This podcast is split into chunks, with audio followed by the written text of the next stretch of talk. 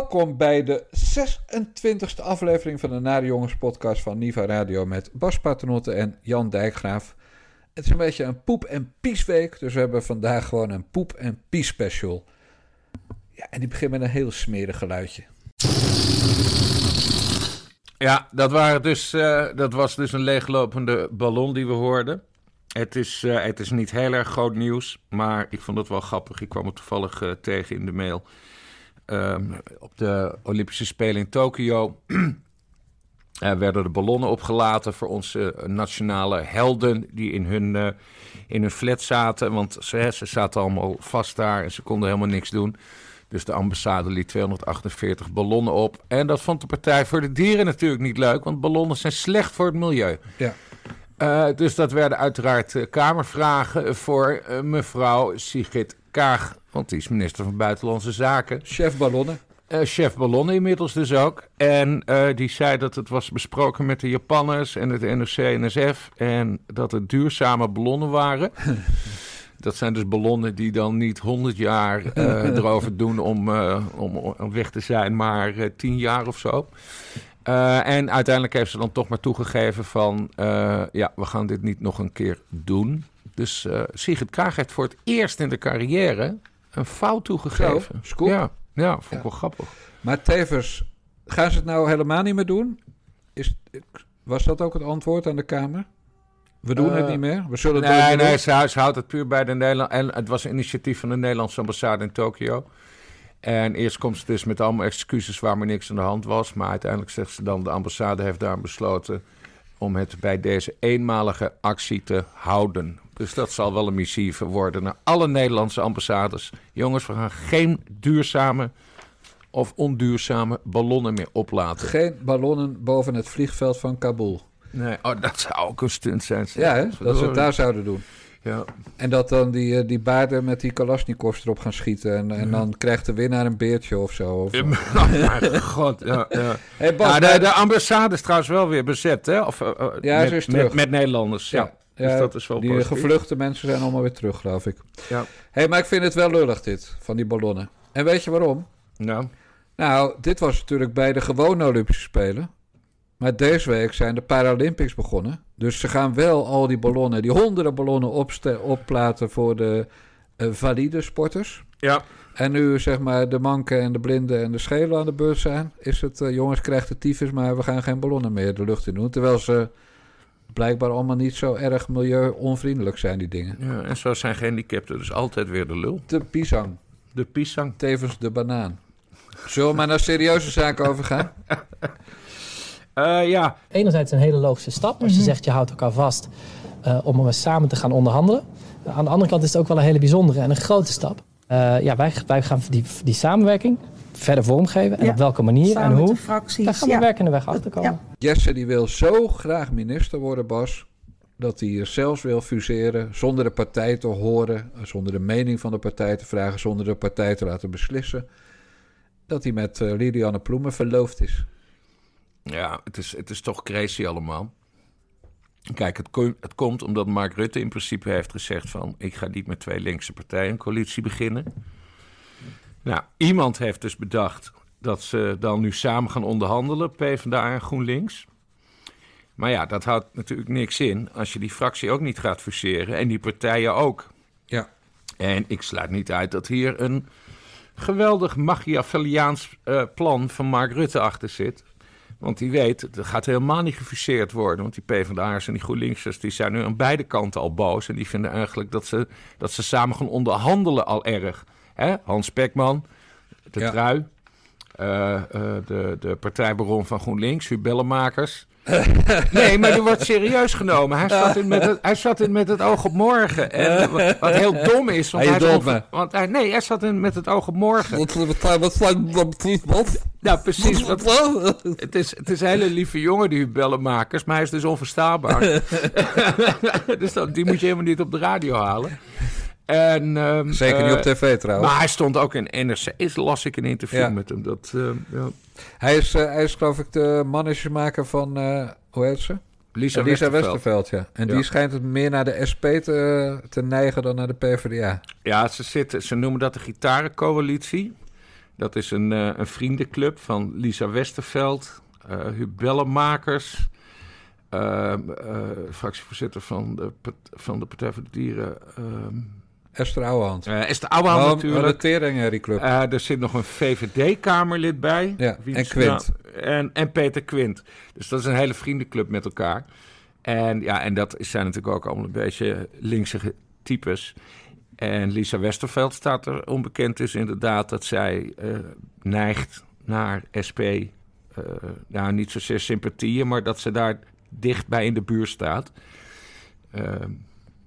Ja. Dus dat kan nog wel heel spannend worden als, stel je voor dat er echt een fusie zou komen, dat mensen zich dan ook weer gaan afscheiden. En dat, dat Lisa Westerveld dan naar de uh, naar de SP overstapt of zo. Ja, of dan wordt het nog ingewikkelder, want dan ben je een zetel kwijt. Ja. Wat, mij, wat mij eigenlijk verbaast is, de PvdA was uh, uh, dankzij Samson nog, denk ik, of Ascher, was de PvdA af van die soldaten van Erdogan, hè, die gasten die toen Denk begonnen. Dus, ja. Kuzu en Oesterk. En nou gaan ze dan als ze samen gaan werken een moslimbroederschap binnenhalen. Ja. Bedoel, dat is toch dat is niet van de regen in de drup, maar dat is van de drup in het onweer ongeveer. Ja. Je zou je zo kunnen, sowieso kunnen afvragen waarom, uh, uh, ja, wat je zegt, waarom wil de PvdA nu opeens die, die, die mevrouw die betrokken is bij de moslimbroederschap mee samen? Ik denk dat Klaver daar helemaal niet over heeft nagedacht, maar, want dat wordt natuurlijk ook een onderwerp. Ja. En wat moet Oud Costo hier wel niet van denken? Ja. Hè, die door de Rara mensen bijna vermoord is. En Rara, ja, dat, Rara dat, dat huis, geen... Ja, precies. En dat, dat ze zijn huis opbliezen. En Ja. dat hij zijn, had hij zijn kat, Dode wel weten. Nee, nee, kat leeft er nog. Oh, de kat leefde Dat nog. is die bijzondere foto, dat hij voor zijn opgeblazen huis staat met Ah, die... eh, En dat was kat. niet de schuld van Wijnand Duivendak, de mannetjesmaker van Jesse Klaver. Maar we kunnen ook niet zeggen dat eh, Wijnand Duivendak een hekel aan Rara had. Want het, Het was wel is- degelijk een hele foute activist die ook militaire geheimen ging jatten. Ja, en het is nog nooit duidelijk geworden dat, eh, ehm, eh, dat hij daar niet bij betrokken was. Er is geen hard bewijs dat hij er niet Nee, bij maar- betrokken was. Maar dat hoeft niet, hè, juridisch. Jij, Nee, jij, was, ik. jij was ook niet betrokken bij eh plagiaat van Sonja Bakker, neem ik aan. Waar gaan, daar gaan we straks ook Ja, nee, maar ik bedoel, je, je hoeft niet je onschuld te bewijzen. Dus- Nee, dat bedoel je, ja. ja. Toch? Maar goed. Ja. Maar de formatie verder. Hoe loopt het? Slecht. Nou ja, het, loopt, het loopt dus slecht, want VVD en CDA hebben dus helemaal geen zin om met dat samen, hè, dat, dat Nee. PvdA GroenLinks te gaan samenwerken. Vandaag zijn er gesprekken. Eh, We kregen net voor de uitzending kregen we nog een, een mail van Jette Hamer. Eh Gert-Jan Segers wordt morgenochtend, dan is het dus woensdag als u dit luistert, om 11 uur verwacht. Dus ja, eh, er wordt gewoon heel veel gebabbeld. De uitkomst volledig ongewis. Ja? Maar schat Ja. het eens in, jij bent de watcher. uiteindelijk, uiteindelijk eh, wordt het gewoon weer eh, de ChristenUnie. En dan Ja? gaan we gewoon op de oude voet verder. Dus dan heeft Kaag verloren. Dan heeft Kaag verloren, ja. Oh jee. En dan is Jesse Klaver weg. Ja, Jesse Klaver, die, die moet dan weer de oppositie in. Maar dat, eh, ik weet niet of de partij dat heel erg leuk gaat vinden. Omdat dit eigenlijk ook alweer faal is, hè, die halve fusie. Ja. Eh, dus daar gaat, die gaat intern meer kritiek krijgen. En, en sowieso staat er al iemand in de coulissen klaar. Dat is, eh heet ze, de jonkvrouw eh, Corine Ellemeet. Echt, denk je dat? Ja, die, eh, die wordt Dus- gezien als eh, opvolger, Kroonprinses. als kroonprinses. Dat is de mevrouw die, eh, die vond dat als je 70 plus was en je wilde een nieuwe heup, dat je eerst maar even langs de geriater moet, hè? Die mevrouw. Ja, tevens de vertrouwenspersoon van Zini Osdeel. Oh ja, die, eh, die En- toen doorlulde, ja. Ja, en, Ja. want Zini Osdeel had toen opgebiecht dat hij een gesprek met Jesse Klaver had eh, proberen op te nemen. De, echt, daar noem noem ik hem dus altijd Kleine Nixon, omdat het hem niet lukte. Eh, maar goed, Kleine Nixon had dat dus een gesprek met Jesse Klaver proberen op te nemen. Heeft er opgebiecht aan, eh, aan, aan de freule, eh, jonkvrouw, eh, jonkvrouw Ellemeet.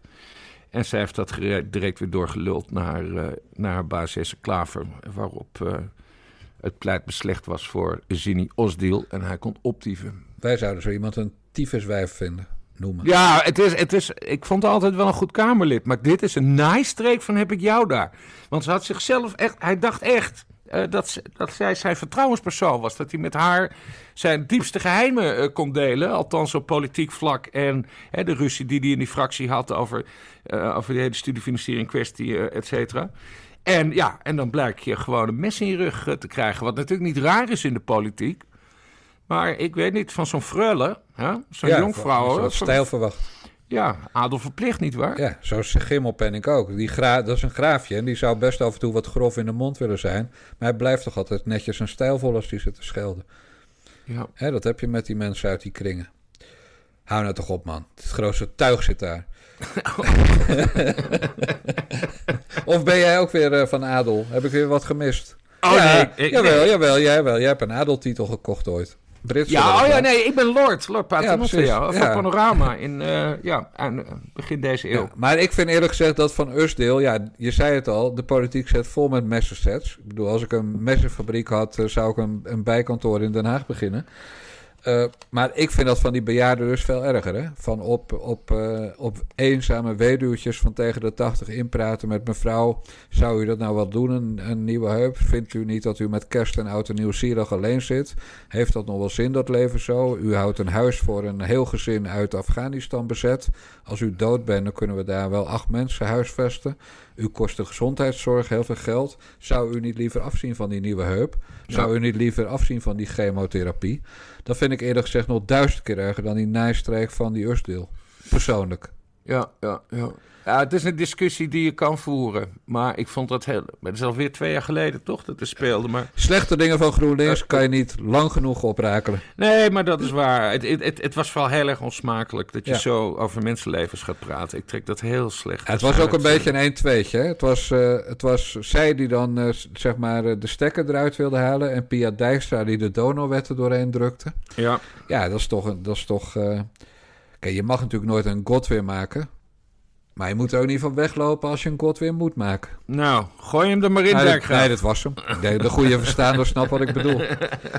Volgens mij. Hey, dus jij zegt, het wordt gewoon de ChristenUnie. En dan heb ik een vraag aan jou, Bas. Ja, Nou, die Rutte, die de grootste partij leidt van Nederland... en Wopke Hoekstra, die als het een beetje fout gaat... de vierde partij van de coalitie wordt... eh, als het namelijk wel over links gaat, hè, dan is hij de kleinste... met zijn 15 zetels en ik geloof nog 6 in de peiling. Wacht hey, even wat, pro- wat professioneel. Nee, wegdrukken die zooi.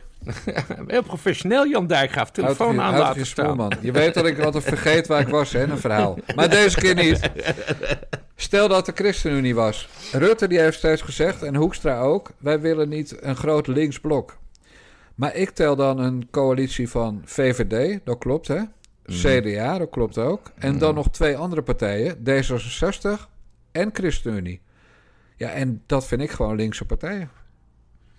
Ja, maar goed, de VVD is sowieso ook al naar links op Ja, ook links, Kijk, maar dit is, dit, is, dit is gewoon de realiteit waar we nu in zitten. Ik bedoel, het, het gaat pas veranderen als, als Rutte weg is. En dat betekent dat er dus iemand in de VVD moet opstaan. Een mooi een Bolkestein-type. Dat zou super mooi zijn. Ja, probleem, hebben ze heb, probleem hebben ze niet. Nee. Want iedereen die wat kan, die is weg. Weet jij wie zich gaat aanbieden, Bas? Oh, ja, oh, oh god, ik krijg Lara als partijleidster. Ja, oh. Nou, ik zit er niet op te springen, maar als ze, als ze roepen, dan kom ik wel hoor. Op mijn Ja. pumps. Nee, Ja. als, houd toch op. Nee, Oh, man, die hebben ze echt niet hoor. Want met alle respect voor Tamara van Ark, maar die krijgt ook eh, na een paar maandjes hard werken pijn in de nek. Ja, dat van, lag- eh, van je, van je van neef. neef Albert, ja, Ja. Die, die dat tegen het plafond gooit bij elke gelegenheid. nee, we hebben... De, en Edith Schippers, eh, daar is iedereen wel een beetje klaar mee... om die te noemen als eh, potentiële premier. Nou, eh, hoofddoekje uit Irak komt ook niet terug. Hoe heet ze, Hennis? Dus het is, het is mager. Nee, Sophie Hermans, ja, met alle respect. Dat is toch wel de tassendrager, punt. Ja, precies. Dus ze hebben een probleem. En Dijkhoff eh, zie ik ook niet zo snel terugkomen. Tenzij Nee. zijn eigen bedrijf niet loopt. Ja, maar Dijkhoff heeft het uiteindelijk nooit uitgesloten. Hè? Dat hij misschien in de toekomst nog een keer terugkomt. En, eh, maar goed, het, dat maakt allemaal geen bal uit. Mark Rutte die wil gewoon in ieder geval nog één periode doen. Dat blijkt uit, dat blijkt uit alles. Ja, het liefst dem, die En, eh, demissionair. Ja, dat- ja, dat nog meer. En, maar het maakt hem ook geen bal uit met wie. Hij vindt dat spel, hij vindt het premier zijn veel te leuk. Het, er zit ook eh, weinig, er zit gewoon weinig ideologie eh, achter. Ja. Hij vindt het gewoon leuk om premier te zijn en het, eh, en het land te leiden. Waar we ons ook hebben, op hebben verkeken vier jaar geleden. Dat er steeds verhalen gingen dat hij naar Europa wilde. Maar volgens mij is hij gewoon helemaal verknocht aan dat, aan dat premier spelen Ja. zijn. De baas zijn. Ja, Manipuleren.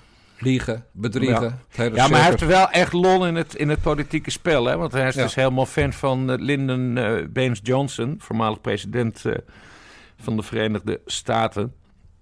En dat was een enorme manipulator. En die, die speelde het politieke spel echt geweldig. Die had er ook echt ziekelijk, ziekelijk veel plezier in.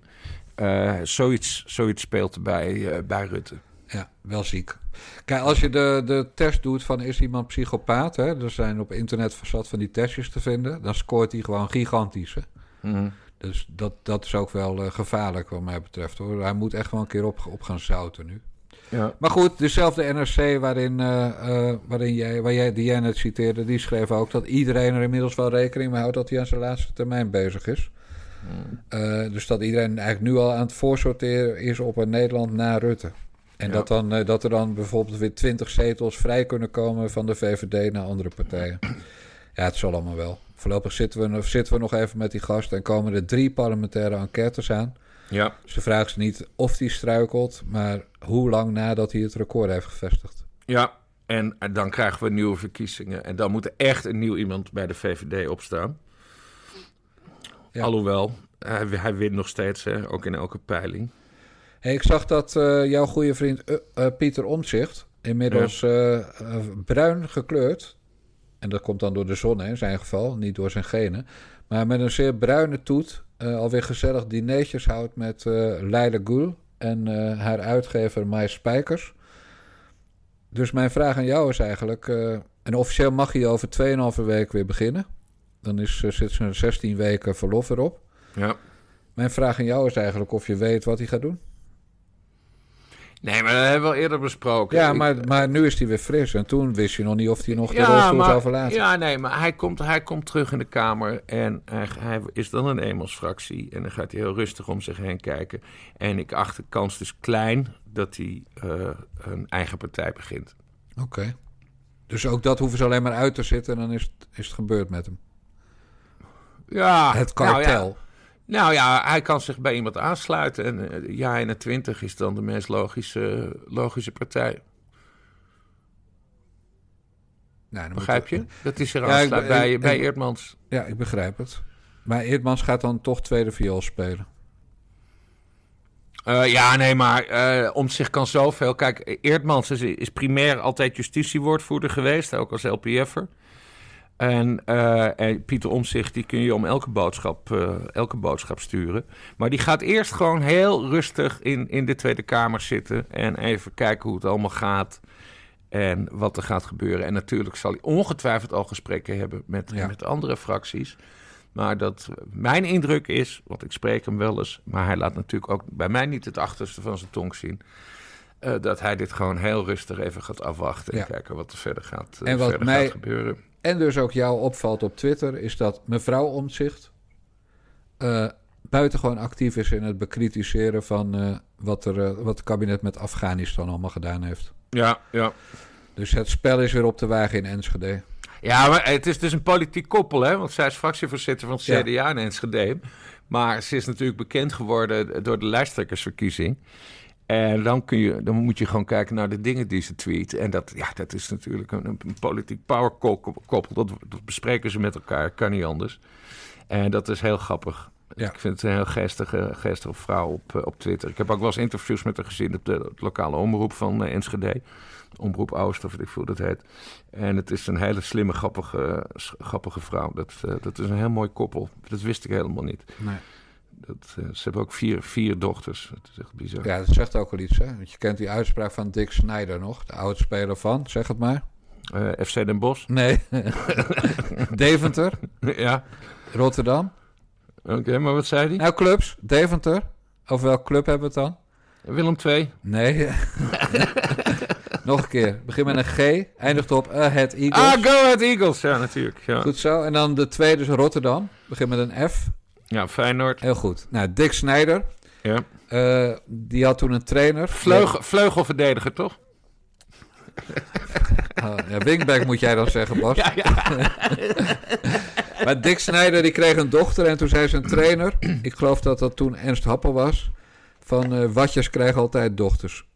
En moest ik altijd aan denken als eh, Ronald de Boer dan in beeld was, die tot, zijn, tot ver na zijn eerste vrouw alleen maar dochters had, een stuk of vier. Mhm. Eh, ja, en dat geldt dus ook voor omzicht. Vier dochters is, eh, zegt heel veel over iemand. Ja, ja. Twee uit een eerder huwelijk trouwens. Wie? Van, Omzicht. van haar.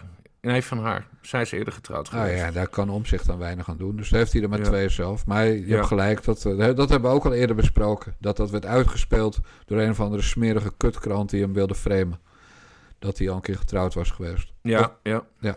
Nee, Maar- zij. Zij was al ja, getrouwd dat, geweest. dat zij al getrouwd was geweest en kinderen had. Maar dat dat Ja. werd uitgespeeld om hem eh, in, het, in, zeg maar, in zijn kwetsbare periode. Daar hebben wij, dat hebben wij toen met klem veroordeeld. Want we mogen ook nooit schrijven over politici die hun kinderen gebruiken.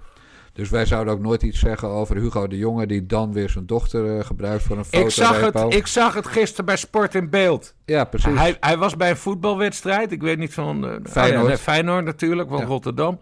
En hij was gefilmd met zijn zoon in het stadion. Nou, prima, kan gebeuren. Eh, maar daarna zag ik een interview met hem op het Binnenhof... waar hij stond als minister. Eh, en dat, hè, want ze hadden hem Ja. uit, uitgejoeld of zo. En toen begon hij zelf over zijn zoon. Van, ah, ik zat met mijn zoon eh, in het stadion.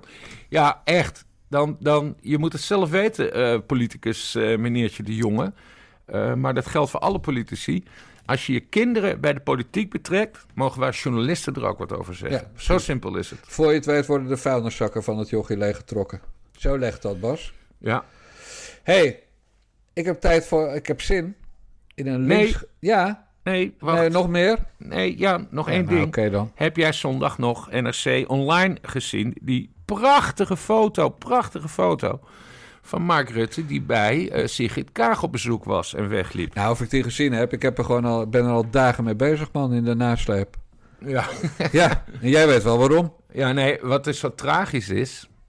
Eh, oh ja, daar gaan we het zo over hebben, want ik weet waar je op doelt. Maar veel belangrijker, de foto is dus weggehaald Ja, door NRC. eh, Ja. door NRC. En ik, heb, eh, ik had contact daarover gehad met Guus Valk, ontzettend goede journalist, chef redactie van NRC. En hij zegt, ja, we hebben het inderdaad om privacyredenen gedaan. En verder is hij op vakantie, dus meer kon hij er niet over vertellen.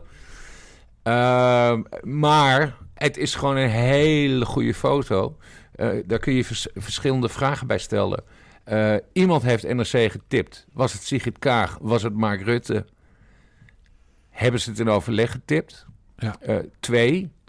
eh, wie heeft geklaagd toen het wel heel duidelijk werd wat het huisnummer is van Sigrid Kaag?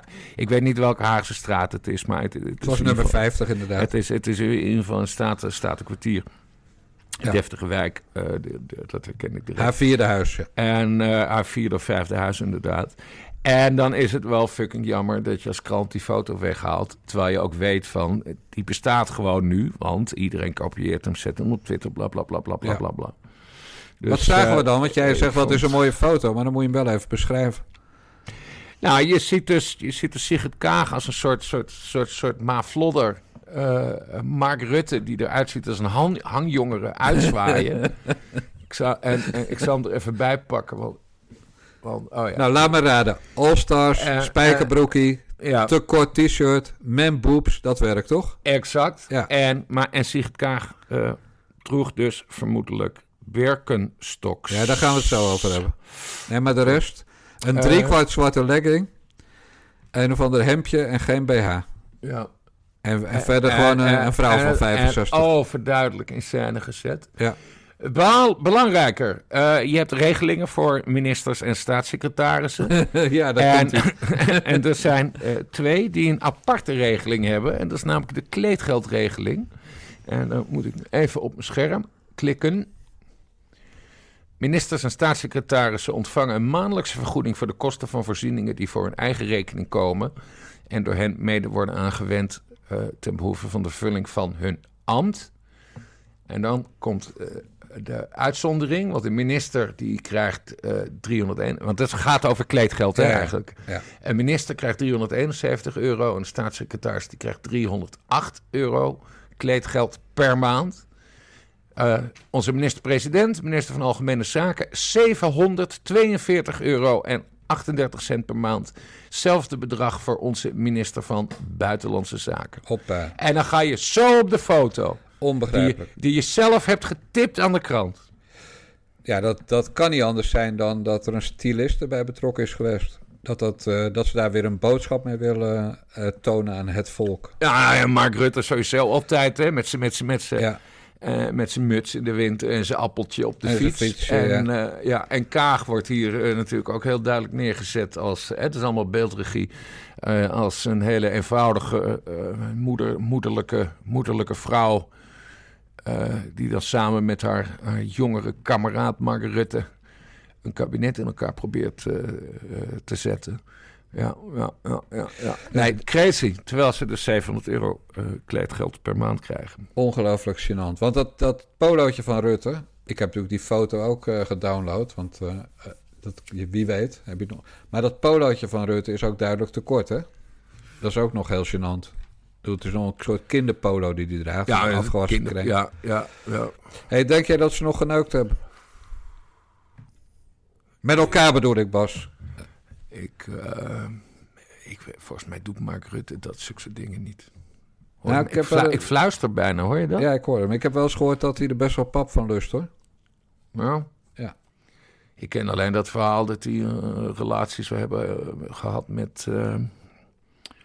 kom, Frits, Kijk. Frits Hofnagel, Jort Kelder, Jan Driessen, nee, Camille Eurlings. Nee, die jongen uit Amerika van RTL Nieuws. Oh, maar dat is niet waar. Is dat niet waar? Nee, dat is niet waar. Ja, die eh, Erik Moutaan bedoel je? Oh ja, Erik Moutan. Nee, ik kijk nooit waar. tv, dus Nee. dat... eh. nee, Hoezo is dat niet waar? Was dat niet... Wacht! Ja, die ontkent dat. En- dat en verhaal waarom, kwam, waarom zou je... bij een vriendje van jou vandaan. Wie dan? Jantje Roos vertelde dat. ja, Jantje. Roos gaan we het later over hebben. Nee, Ja. maar als Jan Roos iets zegt, dan is het misschien wel waar, maar dan is er geen bewijs van. Dat Mm. is... Maar we gaan het straks van over Jan hebben, want die had ik net nog aan de lijn toevallig. Ja, leuk. Nee, maar kunnen we nu, ik bedoel, klaar met die klootzakken. Jij zegt eigenlijk, we krijgen gewoon hetzelfde kabinet wat we hadden. Ja, gaat alleen nog even duren. En er gaan een zootje namen vervangen worden, mag ik aannemen. Ollongren en zo. Oh, die komt zeker niet terug. Nee, daarom. dat, zou, dat zou een ramp, zijn. Verder heb ik nog helemaal niet nagedacht over namen hoor. Dus Ja, dat, maar ik zou eh, dat wel gaan doen, want jij bent toch wel de man van wie verwacht wordt dat hij dit... eh, Ja, ja maar ik heb, ik heb, ik heb vakantie deze week. Oh ja, ja Ik en dat had je drie weken geleden ook, als ik me goed herinner. Ja, ik heb twee Ik weken per jaar. eh, Krijg je vrij van bed Brussel. Ja, ja precies. Wat een leven, man.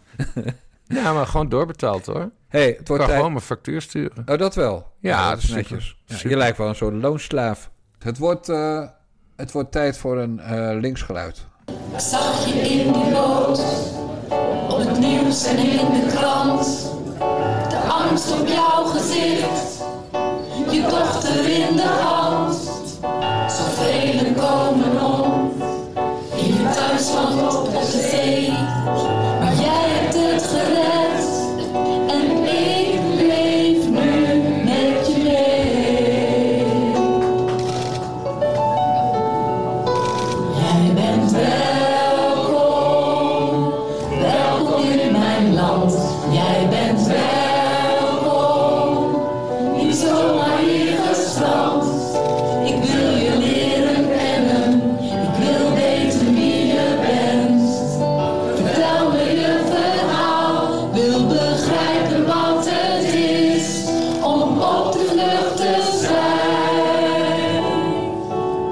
Jij snapt wel waarom ik dit heb gekozen. Welkom, welkom in mijn land. Ja. Ankie Broekers-Knol, staatssecretaris asielzaken. Wat een eigenlijk- kutwijf is dat, zeg. Ja, maar heeft eigenlijk een keer iets goeds gedaan. Zit je nou te lachen? Ja, nee, maar ik vond het super mooi. we, we, hebben het, we hebben het hier over die, over die minderjarige vluchtelingen. Ehm, en Ankie Broekers-Knol, die heeft geregeld. Zonder de Kamer in te lichten. Dat is natuurlijk weer extreem dom. Eh, eh, en als demissionair minister of staatssecretaris. ja, en als demissionair staatssecretaris, wat ook niet slim is. Maar in de kern vind ik het heel goed. Je hebt altijd jongeren eh, die zonder ouders in Nederland aankomen. En daar zit een strategie achter. Want als die kinderen dan in Nederland mogen blijven, dan mogen de ouders en andere familie nareizen. En wat heeft Broekers Knol nu besloten, in alle wijsheid, en het is echt wijs, eh, is dat als ze hier al een oom of tante hebben, ja, dan heb je hier al familie, dus dan hoeft de rest van je familie niet eh, meer erachteraan te komen. En dat doet ze natuurlijk om te ontmoedigen, hè? want er Ja. komen veel te veel mensen hier naartoe. Eh, en ik vind het een geniaal plan van haar. Het is jammer dat ze het heeft verneukt door het niet aan de Kamer te vertellen. Exact. En, en het tijdens het demissionaire situatie in te richten. Maar ik, ik vond het een heel slim plan. Nee, het is natuurlijk een heel stom plan. Hoezo? Als jij vindt dat die kinderen recht hebben om hier te verblijven, hè, want daar gaat het ook vaak om, kinderen die al door de procedure zijn en die hier mogen blijven, dan vind je, volgens, en dat is volgens de regels waar eh, het kabinet Rutte al eh, bijna elf jaar achter staat, hè, want anders hadden ze het wel veranderd de afgelopen elf jaar, sinds. Rutte 1, hebben ze allemaal niet gedaan. Dus volgens de geldende regels waar de VVD achter staat, mag, zo, mag een kind dan in Nederland verblijven. En daar hoort bij dat je kinderen dan mag herenigen met hun ouders. En ik ben het met je eens dat het niet de bedoeling is dat kinderen worden gebruikt eh, om eh, iets te forceren. En, en om, eh, zeg maar, voor hun ouders hierheen te komen, omdat je weet dat de gezinshereniging aankomt. Dus ik ben het wel mee eens dat het systeem niet deugt. Maar als dit al elf jaar in het systeem is, en misschien wel langer, dan ga je dat niet op deze onmenselijke manier veranderen, vind ik. Zeker niet. Want het gaat maar om een paar honderd kinderen, dus, dus ook om een paar honderd ouders. Maar zeker niet als aan de andere kant Bente Bekkers botendiensten 800 mensen per week toelaten. Ja, maar goed. Want daar, doet, eh, daar doen ze niks aan. En ook zeker niet als je Ankie Broekers knol bent... en je bent niet eens in staat om Marokkanen terug naar hun eigen land te krijgen. Nee. Omdat de, dat de minister in Marokko zegt... ik praat niet met het wijf. ja. Dus Ankie Broekers knol, nee, gewoon niet doen. Nou, gebeurt er eindelijk wat, is het weer niet goed voor meneer. Ik zei al, mijn linkse geluid. Ja, dat is toch mijn linkse hart? Ja, ja, de sociaaldemocraat in jou. Want ik vind dat je kinderen nu het slachtoffer... eh, misschien heb jij allemaal aardige oud-tantes en oud-ooms en weet ik het allemaal. Maar ik vind dat je het kinderen niet aan kan doen... om niet bij hun eigen ouders op te groeien. Ja. In principe. ja, maar wie brengt die kinderen in die, in die positie? Dat zijn de ouders zelf. En kunnen die kinderen wat aan doen? Nee. Ja, maar goed, niet Nee. mijn probleem. Ja, nee, wel jouw probleem. Ja, nu niet meer, want Ankie Broekers-Knol die zegt gewoon... kinderen krijgen de tyfus maar, val maar dood... en je zal je vader en je moeder nooit meer zien. Kijk, een andere, k- andere Ja, maar ze kant... kunnen, hun, ze kunnen hun ouders zien. Als ze weggaan zeker. Ja, door terug te Ja, gaan. dus die kinderen die moeten terug naar hun eigen land van Ankie Broekers-Knol. En die, die stoere jongens uit uit Noord-Afrika... met die grote spierballen en die iPhones... die allemaal voor 6000 dollar een plek op die bootjes kopen... Allemaal 14-jarigen. Ja, precies. Allemaal 14. allemaal 14 zijn ze. Nou, terwijl ze allemaal gewoon 30 zijn. Ja. Dat tuigt, dat laat dezelfde Ankie Broekers-Knol...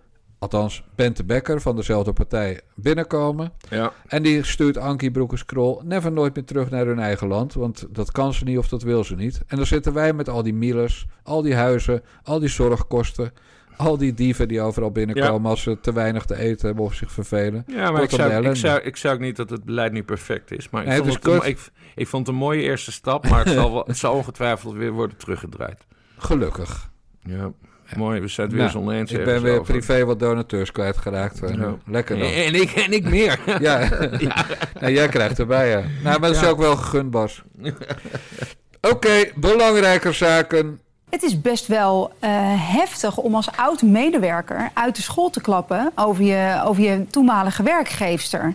En deze twee medewerkers komen ook allebei eigenlijk afzonderlijk van elkaar met eenzelfde soort verhaal. Dat is best wel pittig, toch? Ja, en dat heeft ook even geduurd voordat we mensen zover kregen dat ze überhaupt iets wilden zeggen. Want na, nadat we vrijdag met het nieuws kwamen dat heel veel recepten en foto's toch wel heel erg leken op iets dat in een andere taal elders op het internet eh, te vinden was, zijn we meteen begonnen met kijken, ja, wie wil er iets over zeggen. Zaterdag heeft eh, Sonja aan ons per WhatsApp toch een beetje de indruk gewekt dat het iemand uit het team zou zijn geweest die die fout eh, zou hebben gemaakt. Die de social media beheert bijvoorbeeld. Precies. En uiteindelijk, eh, ja, uiteindelijk zijn er toch wat mensen geweest die hebben willen praten. En die dus nu deze best wel schokkende onthullingen doen. Eh, terwijl ze ook zeggen: ja, we zijn een beetje bang voor niet alleen Sonja, maar ook voor, eh, voor Barry.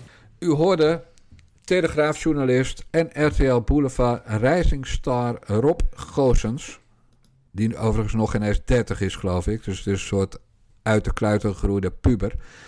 Over Sonja Bakker, de plagiaatprinses. De vrouw die we allemaal kennen van het eierkoekdieet. En die daarna 300.000 boeken schreef. Die allemaal 2 miljoen keer verkocht werden. Dus die helemaal binnenliep. Nou, en waar is Sonja Bakker op betrapt? Bij RTL Boulevard hebben ze het nog over, ze wordt verdacht van. Maar ze is betrapt op plagiaat. En dat betekent recepten van andere jatten, foto's van andere jatten. En dan presenteren alsof die van jou zijn. Zonder bronvermelding, zonder toestemming. Kortom, dan kan je 1100 euro per foto kosten, die grap. Nou, en nu zijn er oud-medewerkers van Sonja Bakker die uit de school hebben geklapt. Kortom, het net rond Sonja Bakker sluit zich. Nou, en wat we Rob Goossens hoorden vertellen, is dat mensen allemaal bang zijn voor Sonja Bakker, maar ook voor die vriend van haar. Nou, en dat vond ik nou heel belangwekkend nieuws.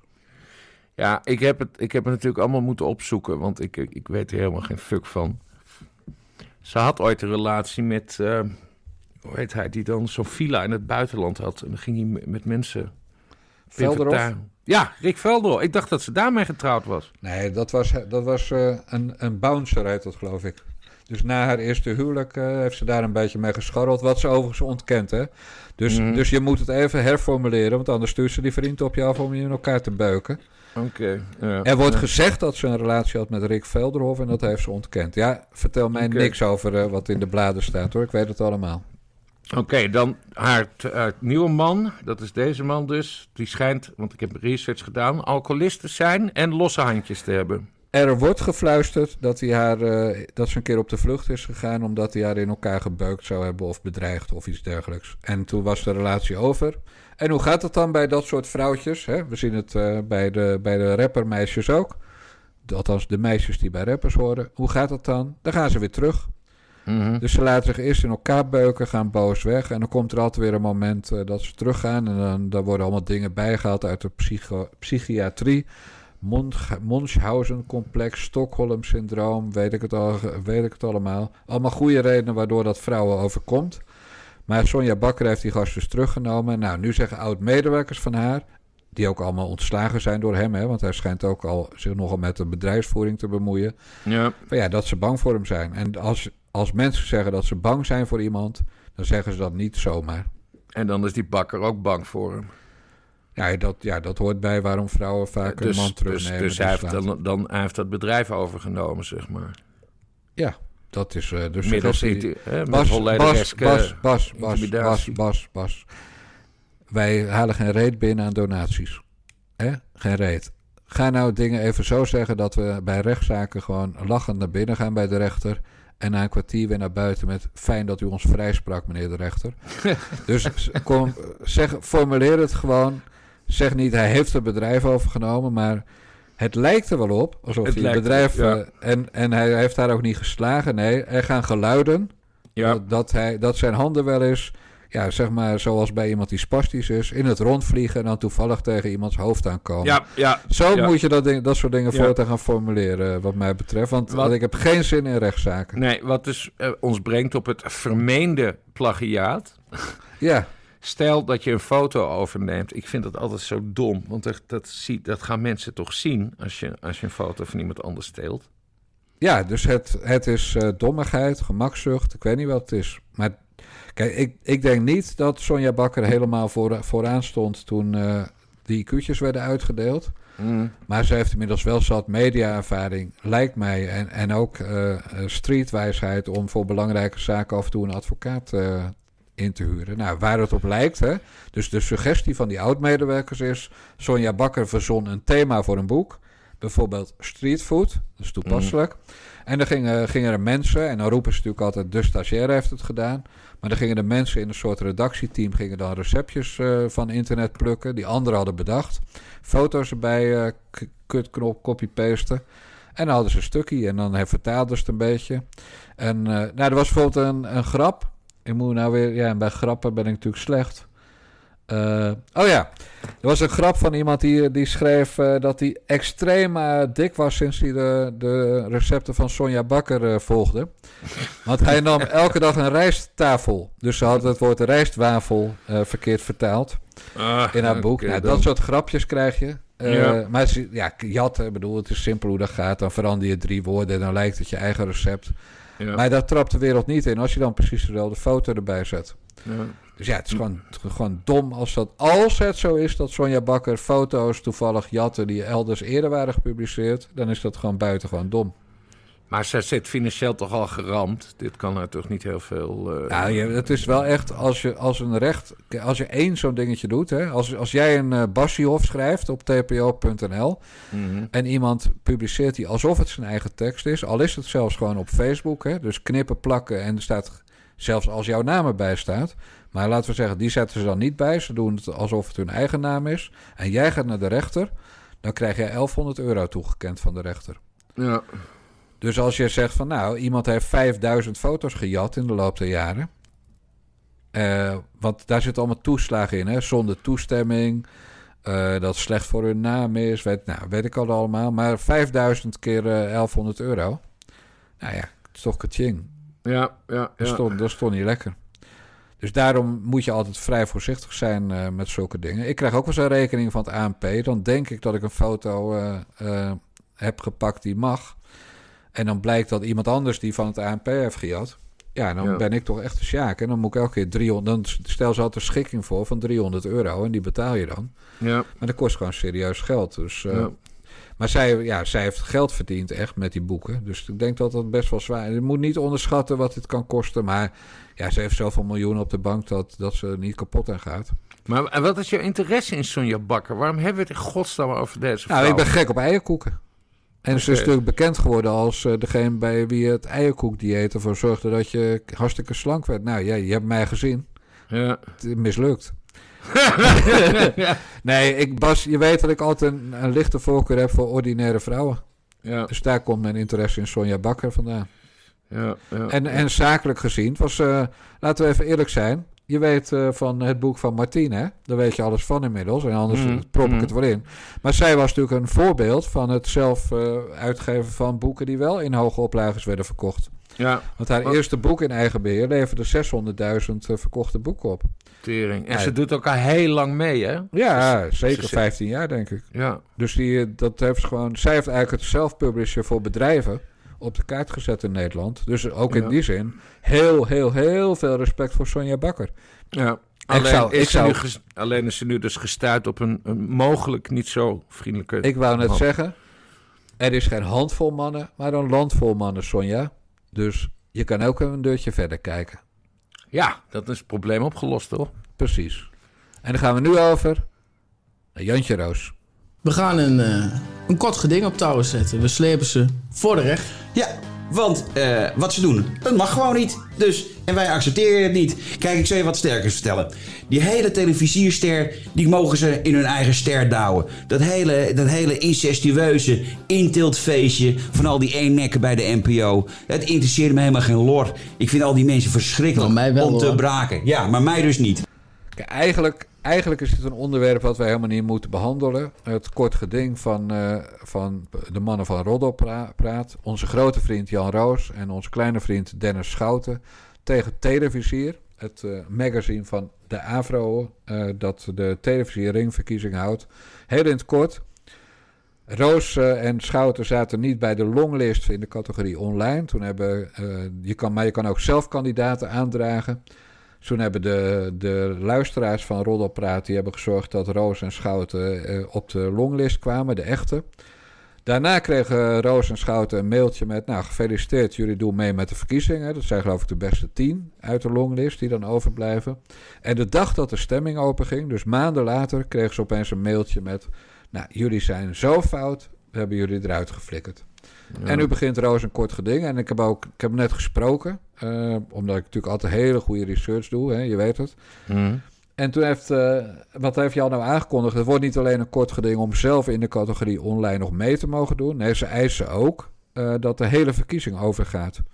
Nou, dat zou natuurlijk wel vrij spectaculair zijn. Want ik heb bijvoorbeeld opgeroepen om in de categorie vrouwen hè, bij de Ster... om op Fidan Ekers te stemmen. Gewoon om de BNN-Vara te fucken.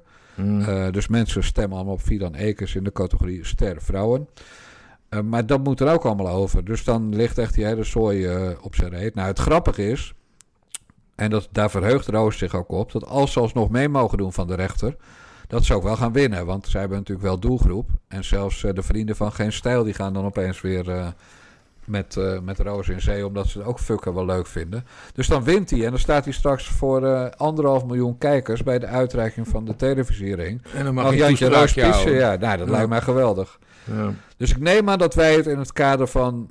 het moet allemaal wel eerlijk zijn en je mag geen mensen uitsluiten. Wij zijn voor een inclusieve samenleving, ook in de media. Neem ik aan dat wij het wel eens zijn, Bas...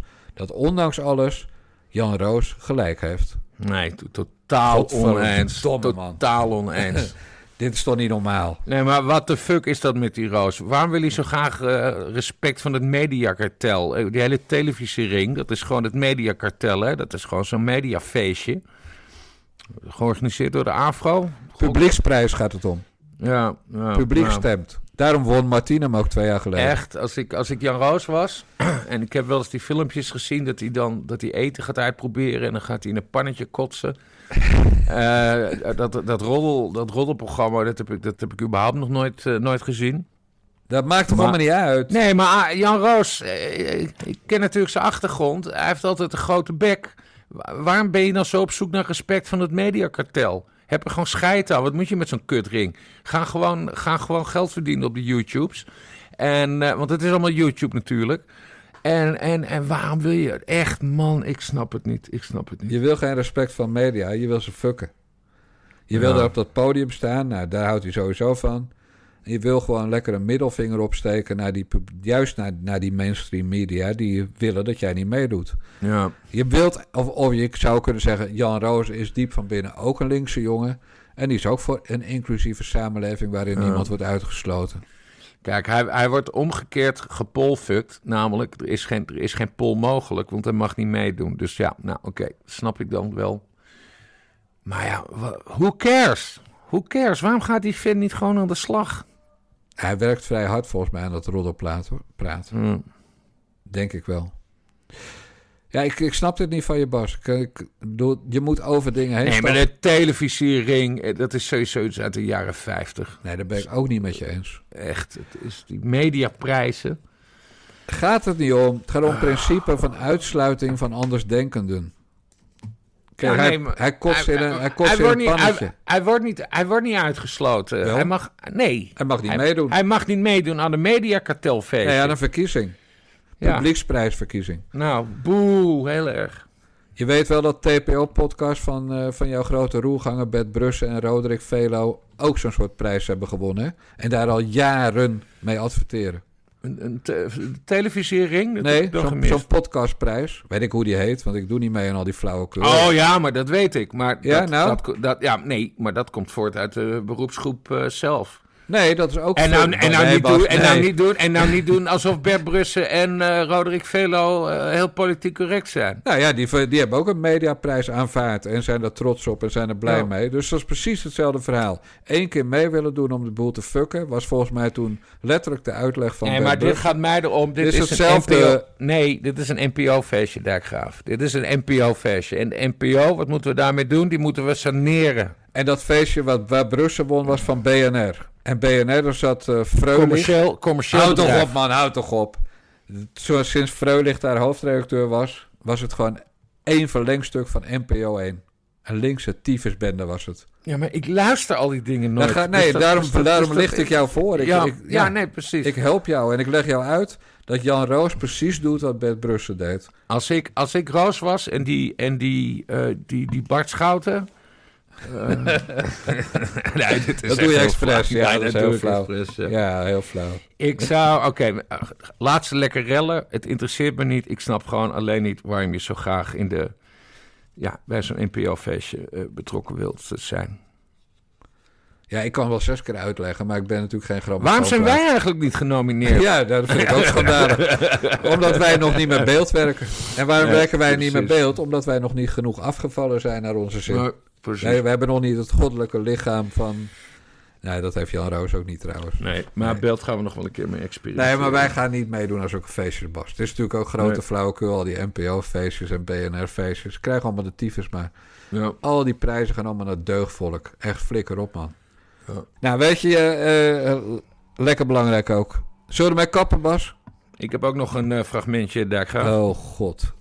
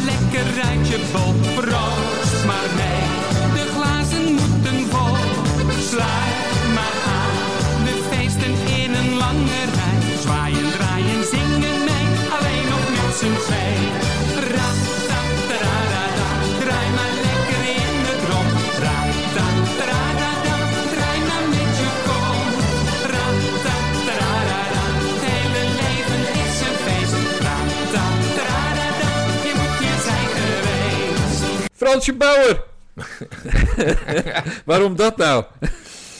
Nou, ik las eh, op jouw 99 woorden, een van jouw vele producten eh, die je dagelijks over de wereld gooit, dat je 24, eh 14.245 dagen in het vak zit, zoals een vriend Michiel Blijboom altijd zegt. Wat is het vak? Ja, maar je bent dus eh, 39 jaar journalist. Nee, ik ben 39 jaar geleden eh, gaan werken. Oh, echt Ja. gaan werken, dus los van vakantiebaantjes en een beetje freelancer bij de krant. Maar toen kwam ik in dienst als leerlingverslaggever bij het Rotterdams Nieuwsblad, editie IJssel en Lek, te Capelle aan den IJssel. Voor 1531 gulden per maand. Bruto. Ja, Mooi hè? Ja, ik vind Ik- het is Ik ben, weinig. één keer, ik ben één keer in loondienst geweest als journalist. Ja, weet ik. En dat. eh, eh, oh nee, eh, twee, keer. Wacht keer even. Die ene keer was Metro natuurlijk. Ja. Waar we na vier maanden toch maar weer weggingen. Eh, tenminste, als in loondienst zijnde. Maar mijn eerste loondienstjob was. Want ik was, ben begonnen als freelancer in 97, 98 of zo. En ik ben toen in 2001 naar persbureau Novum Nieuws eh, gegaan. Eh, en daar werd ik eh, chef Haags, Haagse redactie. Om het zo te noemen. Hoeveel man was had je onder je dan? ik was de enige. we, hadden niet, we hadden niet eens een eigen kantoor. Het was gewoon zo triest.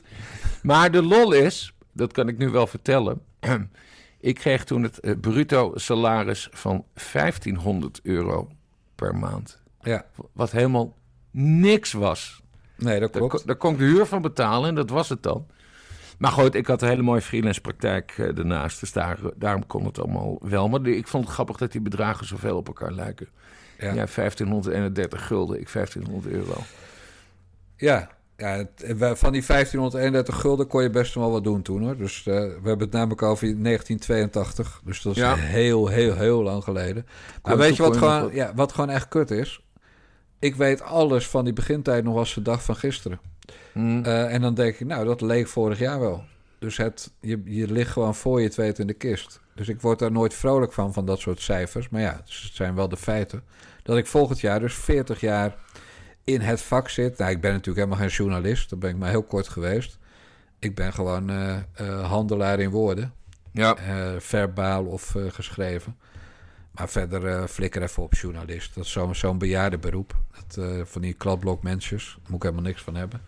nee, nee, En ik ben nee. al tien jaar zelfstandig, eh, ook dit jaar. En dat vond ik wel interessant.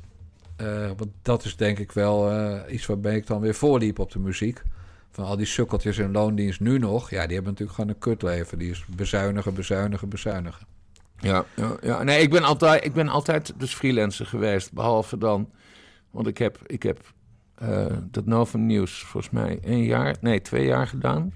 En toen heb jij mij weggekocht. Terwijl ik al freelancer voor Metro. En toen nam ik dus drie, vier maanden later weer ontslag. Ja, dat was mooi. Ja, dat hebben, we al, hebben we al besproken. Hebben Moeten de mensen maar terugzoeken in die Moeten de mensen 25. maar even terugluisteren. Eh, maar ik zit nu even te kijken naar het hele cv. eh, Panorama Metro Management Team.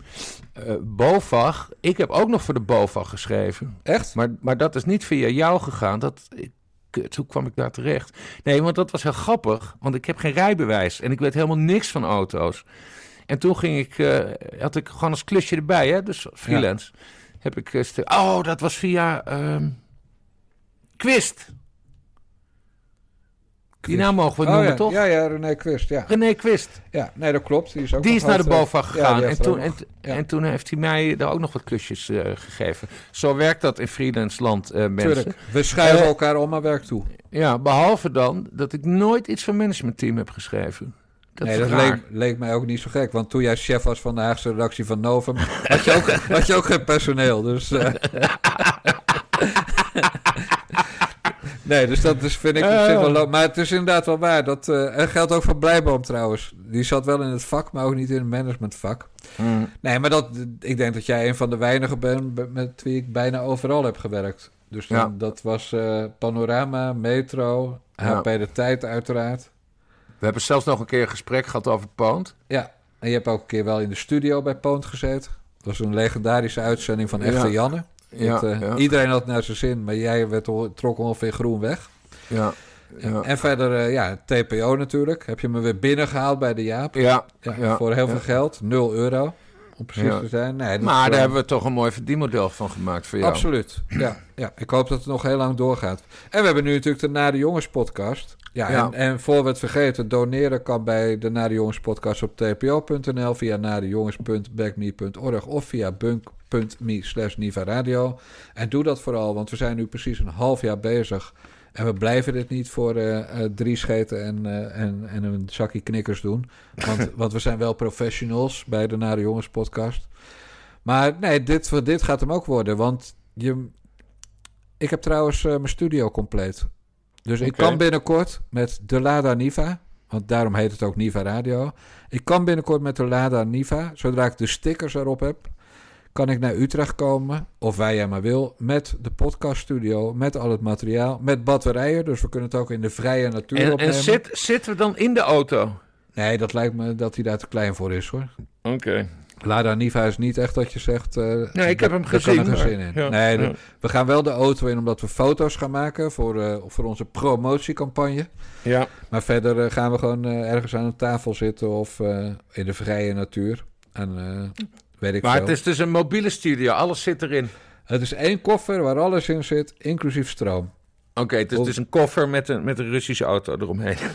Zo moet je het zien. En die koffer die neemt dan de hele achterbank in beslag, want het is een kleine achterbank. En de koffer zelf van de auto, de kofferbak, daar Mhm. kan niks in, want daar staat al een gastank in. Want zoals je snapt, van deze linkse jongen, die gaat natuurlijk niet in- met energieklasse G of zoiets in, eh, op benzine rijden. En nog wel super benzine. Nee, die rijdt natuurlijk keurig op LPG. Ja, Russisch gas. Ja, en in dat kader, Bas, ook heel interessant, gisteren doorgekregen. In Duitsland zit een bedrijf die Lada Niva's ombouwt tot elektrische auto's. En dat kost 2800 euro. En dan heb je dus een elektrische auto die helemaal niks kost aan eh, verbruik en alles. En die zeer milieuvriendelijk is. Maar dat gaan we natuurlijk niet doen. Ik wil gewoon dat lekkere, gezellige motorgeluidje horen. En ik ga niet op zo'n zo'n zoomgeluid rijden. Flikker op. Nee, het is toch gevaarlijk ook, dan hoor je de auto niet aankomen. Ja, maar de vraag is dus eigenlijk, want het is een lange inleiding naar... Ga jij nog naar de kapper?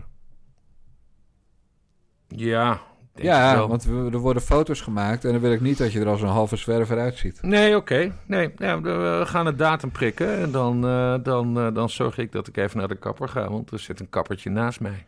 Een Turk zeker. Nee, het waren ooit hele mooie... eh, Joodse meisjes. het? Ja, geen Indische. eh, Sri, Sri Lan- Sri Lanka. Nou ja, hele, hele mooie Oosterse meisjes. Maar het is nu overgenomen door blanken. Ja, lekker dan. ja. En doen die dan ook je oren en je neus met de aansteker? Eh, nee, dat deden, dat deden die, Ja, dat die, die Oosterse meisjes dus. Die gaan dan helemaal voor de oren en, en de neus en, en echt snor ook even bijpunten en alles.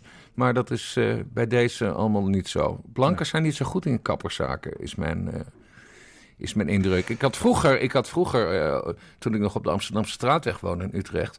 eh, eh, had ik een Turkse kapper. Ja, die was geweldig. Die was echt met touwtjes in de weer. En dan, dan ging je je, je wenkbrauwen ging je, ging je Ja. even doen. En, en met vuur inderdaad. En, nee, dat was fantastisch. Nemen de tijd en ze vinden Ja. het leuk om te babbelen. En ze, let, ze hebben oog voor details. En dat zie je bij veel blanke Nederlandse kappers. Zie je dat ze weinig oog voor detail hebben. We moeten alleen een datum prikken eh, snel, want er komt ongetwijfeld weer een lockdown aan. Nou, ja. Ja, ja. Wedden van wel. Ja, nou, ik weet En- niet. ja, ik, dan- vind, ik vind de discussie wel interessant, hè? Want je hoort nu wel steeds meer over die boosterprikken. Dat je nog een keer zou moeten laten, laten prikken. Nou, net zo makkelijk hoor. Ja. Ik ga die derde prik pakken. Al was het maar omdat Hugo de Jong dit hoort. En dan komt er weer 30.000 euro onze kant op, Bas. Want zo werkt dat. Wij zijn pro-prik. ja, en George Soros, die heeft volgens mij vorige week ook nog iets over gemaakt. Ja? Zit- ja, we gaan Ja. lekker. En Poetin... Nee, hè, mensen, het is hey, helemaal niet waar. Het is helemaal en, niet en, waar. want- En, en Poetin eh, die zegt van, wil die Bas ook een Lada Niva dan? Dus toen heb Ja. ik inderdaad het rijbewijsprobleem. eh, toen, zei, toen zei hij dat dat in Rusland helemaal niet uitmaakt.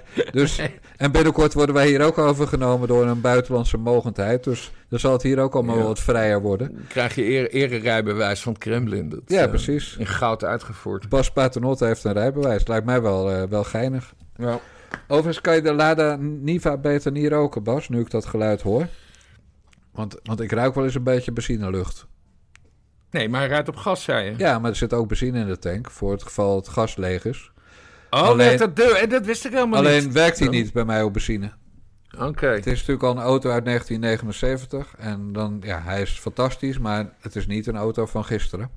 Ja. Dus eh, het benzine rijden wil niet lukken. Dus ik moet inderdaad, en dan lig ik niet, elke 160 kilometer moet ik tanken.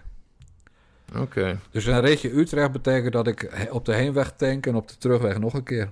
Maar ja, alles voor Niva Radio, Bas. Nee. Alles, alles voor de, interessant. voor de luisteraars. Ja. Ja, super Ik interessant. zal, eens, ik zal eens bellen met de BOVAG. Misschien hebben ze wel een interesse, interesse in een stukje over de, de Lada Niva.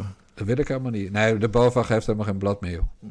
Nee? Nee, de BOVAG is ook helemaal links, hè? Je weet wie daar eh, de voorzitter is, toch? Ja, mijn, mijn goede VVD-vriend eh Hand en Broeken. Ja, precies. Dus die, ik, is helemaal, die is helemaal niet links. Kom je daarbij? nou ja, de BOVAG dus wel. De BOVAG is erg voor het klimaatakkoord. En dat is heel simpel waarom. Dat is niet omdat ze het milieu, dat milieu ze één reet interesseert. Maar gewoon Mhm. dat, dat ze dan heel veel van die elektrische auto's gaan verkopen. Ja. Ik heb eh, bij de BOVAG echt... eh, ik heb er maar een jaar gewerkt. Want eh, de beloofde echte journalistiek zochten ze niet. En toen was ik Mm. nog journalist. Maar bij de BOVAG zijn het rasopportunisten, hoor. Die, eh, ze, als je zegt, eh, je auto buiten wassen is slecht voor het milieu... wat natuurlijk gewoon zo is, hè, met al die troep die eraf komt... Mm. Nou, dan kom, beschreef je in de BOVAG-krant weer eh, verhalen over geïoniseerd water in allerlei wasinstallaties. Want daar verdienen dan die, die tankboeren geld op. En, Ja. en met auto's is het zo, ja, de BOVAG wil niks liever dan alle fossiele auto's vervangen door elektrisch. Want dat is lekker veel geld verdienen. Ja, allemaal En- nieuwe handel. En na een paar jaar doen die kutbatterijen het niet meer. Dan kunnen ze er voor 4.000, 5.000 euro nieuwe batterijen in gooien. Dus laat, laat Hand en Broeken en zijn club maar schuiven. Ja. Maar de BOVAG is, als het zo uitkomt, de meest linkse club van Nederland. ja, maar goed, vanuit opportunisme dus. Absoluut. Ja. Net als met het hele klimaat. Het is of de kerk of het kapitaal die het beleid bepaalt. En zo zijn we weer bij Dylan. En dan ga ik ook weer stijl afsluiten. Dit was de 26e aflevering van die Nare Jongens podcast van Niva Radio. De website is nivaradio.nl. En doneren kan bij. Nou, dat moeten jullie gewoon niet doen. Stom, stomme jongens. maar, maar, maar hebben jullie tips? Wil je ze, wil, wil je ze keihard aanpakken? Terugsturen naar hun eigen land? Of heb je gewoon wat te zeiken? Mail dan naar Naomi op... Nou, Naomi, dat is een Joodse naam. En, en mijn man is ook Joods, hè, dat je het weet. Eh, mail naar Naomi op Niva Radio. Nee, op redactie.nivaradio.nl. Doei! Later. Hoi.